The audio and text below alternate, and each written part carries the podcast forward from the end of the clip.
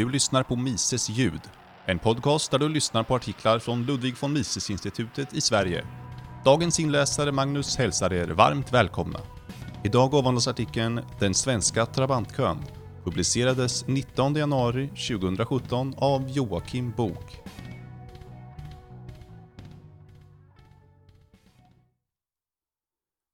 Trabanten var en gammal östtysk bil från före Berlinmurens fall som blev symbol för undermålig kommunistisk kvalitet. Bilen var ökänd för att fungera illa. Den var obekväm, långsam, högljudd och allmänt smutsig. Men det var trots det så eftertraktad att kötiden var uppemot 15 år. När priser och marknader inte får styra går ekonomier åt skogen. Se Venezuela. Och Östtyskland var inget undantag. Särskilt äldre släktingar brukar dra sig med en och annan knasig historia från DDR-Tyskland. Många är vi som har skrockat gott åt sådana historier och köande. Så absurt. Producera mer, eller höj priset. Hur svårt ska det vara? Men likt Matteus evangeliet är det ibland svårt att se bjälken i sitt eget öga. Men desto lättare att se grandet i sin broders. Den svenska trabantkön stavas hyreslägenheter. Till skillnad från Trabanten har problemet varken avskaffats eller förvisats till historien. Samme svensk som då gärna skrockar gott åt Trabanten och berättar historier om Östtyskland stödjer sannolikt hjärtligt hyresregleringar. Så har vi alltid haft det i Sverige. Hyresgäster är ju i en sådan utsatt situation. Vi måste hindra de giriga och hemska fastighetsägarna från att förtrycka de fattiga hyresgästerna och, likt prins John, krama ur dem den sista droppen hyra staten och kapitalet och så vidare. Samt de två största missförstånden av alla. Hyresregleringar hjälper låginkomsttagare och den motverkar segregationen. Det finns tre välbekanta välfärdsförluster på grund av hyresregleringen. 1. När priset, hyran, hålls artificiellt låg vill ingen bygga nya hyresrätter eftersom det vore en förlustaffär. Det kostar mer att bygga dem än vad framtida hyror betalar in. Slutsats. Brist på hyresrätter. 2. Utnyttjandet av de existerande hyresrätter är dåligt. Folk bor kvar längre än vad de behöver, eller annars hade gjort, vilket gör det svårare för andra att ta sig in på marknaden. Typexemplet här är pensionärer i för stora lägenheter som bor kvar på grund av hyresregleringen och barnfamiljer som därmed inte kan hitta lämpligt boende i relevant område. 3.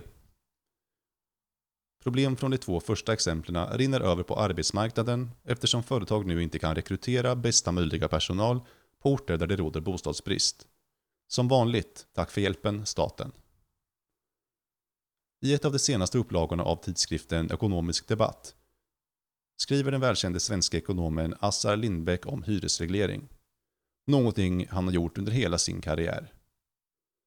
Få är de ekonomiutbildade idag som inte läst Assar Lindbeck attackera hyresregleringen vid något tillfälle i sina karriärer.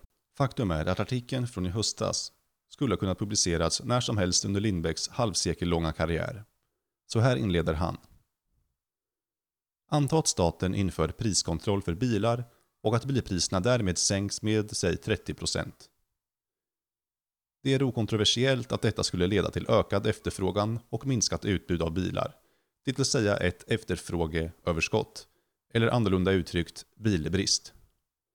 Det skulle vara lika lätt att förstå att hyreskontroll, synonymt hyresreglering, där hyran sätts under den potentiella jämviktsnivån, leder till ett efterfråganöverskott på hyreslägenheter och därmed till bostadsbrist. Lindbäck pekar på ytterligare aspekter av problemet. Rörligheten på bostadsmarknaden är inte bara lägre än vad den annars vore, den rörlighet som sker är fel slags rörlighet. Vanligtvis är en flytt ett plussummespel, särskilt i samband med nytt arbete eller familjesammansättningen ändras. Vad outsiders på hyresmarknaden istället tvingas till är att ingå det ena kortsiktiga andrahandskontraktet på bostaden efter det andra. De flesta känner till någon som lider av precis det här problemet. Vidare leder hyresreglering till att fastigheternas kvalitet sjunker Särskilt om fastighetsägarna inte tillåts höja hyror i linje med kostnader för reparation. På något mystiskt sätt verkar inte vanliga regler gälla. Det lilla sunda förnuft och seriösa nationalekonomi som ibland uppkommer i politiska diskussioner försvinner innan man hinner stava hyresreglering. Alla som tagit en kurs i nationalekonomi, eller tänkt längre än näsan räcker, inser att hyresreglering är en ganska dum idé. Men inget händer, för vi måste tydligen hjälpa de fattiga och underprivilegierade. Ekonomerna Roland Andersson och Bo Söderberg skrev för några år sedan så här. Men den låga hyran gynnar alla som får en lägenhet, inte bara grupper med bristande inkomster.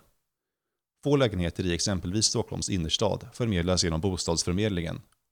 Alla som med denna hyra vill ha en lägenhet kommer inte att få det och det är inte alls säkert att det blir just låginkomsttagare som får hyra lägenheterna. Enklare uttryckt, hyresreglering hjälper bara de fattiga om kapital och kontakter är mindre ojämlikt fördelade än inkomster. Med andra ord, vår paternalistiska och vilesledande vilja att hjälpa låginkomsttagare genom att reglera hyror skapar brist på hyreslägenheter. För att lösa problemet uppstår antingen svarta marknader, där kontakter blir den nya valutan och den förhatliga diskrimineringen ges grogrund, eller också skuldfinansierade köp av bostäder. Dessa lösningar kräver kapital och finansieringsmöjligheter av bostadsköp, samt bra kontakter med fastighetsägare. Tror det välvilliga vänsterfolket allvarligt talat på någonting så dumt och uppenbart felaktigt som att dessa är mer jämlikt fördelade än inkomster? Men segregationen då? Gentrifiering är ju ett stort problem. Igen, här är regleringskammaren satt i en väldigt jobbig situation. Stor efterfrågan i kombination med svarta marknader, som i vanliga fall löser de hinder staten lagt i vägen för marknaden, betyder att hyresvärdar sätts i en position där de kan välja och vraka bland hyresgäster. Elakartad diskriminering har därmed inte längre det ekonomiska straff eller kostnad så som det vanligtvis har på fria marknader. Att vägra sälja sina produkter till svarta, blonda eller heterosexuella betyder att man dels förlorar intäkter från dem, men också från alla andra som bojkottar ens varor på grund av beteendet. När hyresvärdar kan välja och vraka utan de normala ekonomiska och sociala krafter som begränsar deras beteende släpps elakartad diskriminering fri. För att rättfärdiga hyresregleringen måste regleringskammaren därmed tro att en avreglerad hyresmarknad skulle vara ännu mer diskriminerande än den artificiella och svarta marknaden hans reglering skapat. Det vill säga, han måste fullständigt bortse ifrån de marknadsmässiga förluster diskriminering skapar och mer därtill. Han måste tro att fastighetsägare och hyresvärdar diskriminerar mer när de har mindre möjligheter att göra det och större kostnader för det. Han måste, som Lovis säger, vara mer än lovligt galen. När helst politiker eller andra säger att någon politisk åtgärd hjälper de fattiga kan man ge sig katten på att den gör motsatsen. Det här är hyresregleringen ett utmärkt exempel på. Ekonomer och de flesta andra normalbegåvade människor förstår att hyresreglering är skadlig, onödig och oönskad. Men lösningen ligger djupt begraven i den politiska processen och hindras av det incitament som politik och demokrati ger makthavare. Insiders är fler än outsiders och deras förluster vore mer synliga och mer koncentrerade än fördelarna för oss andra. Och partier i en demokratur reagerar på fasaden utåt samt antal väljare, vilket är förklaringen till att ingenting händer. Prisa demokratin.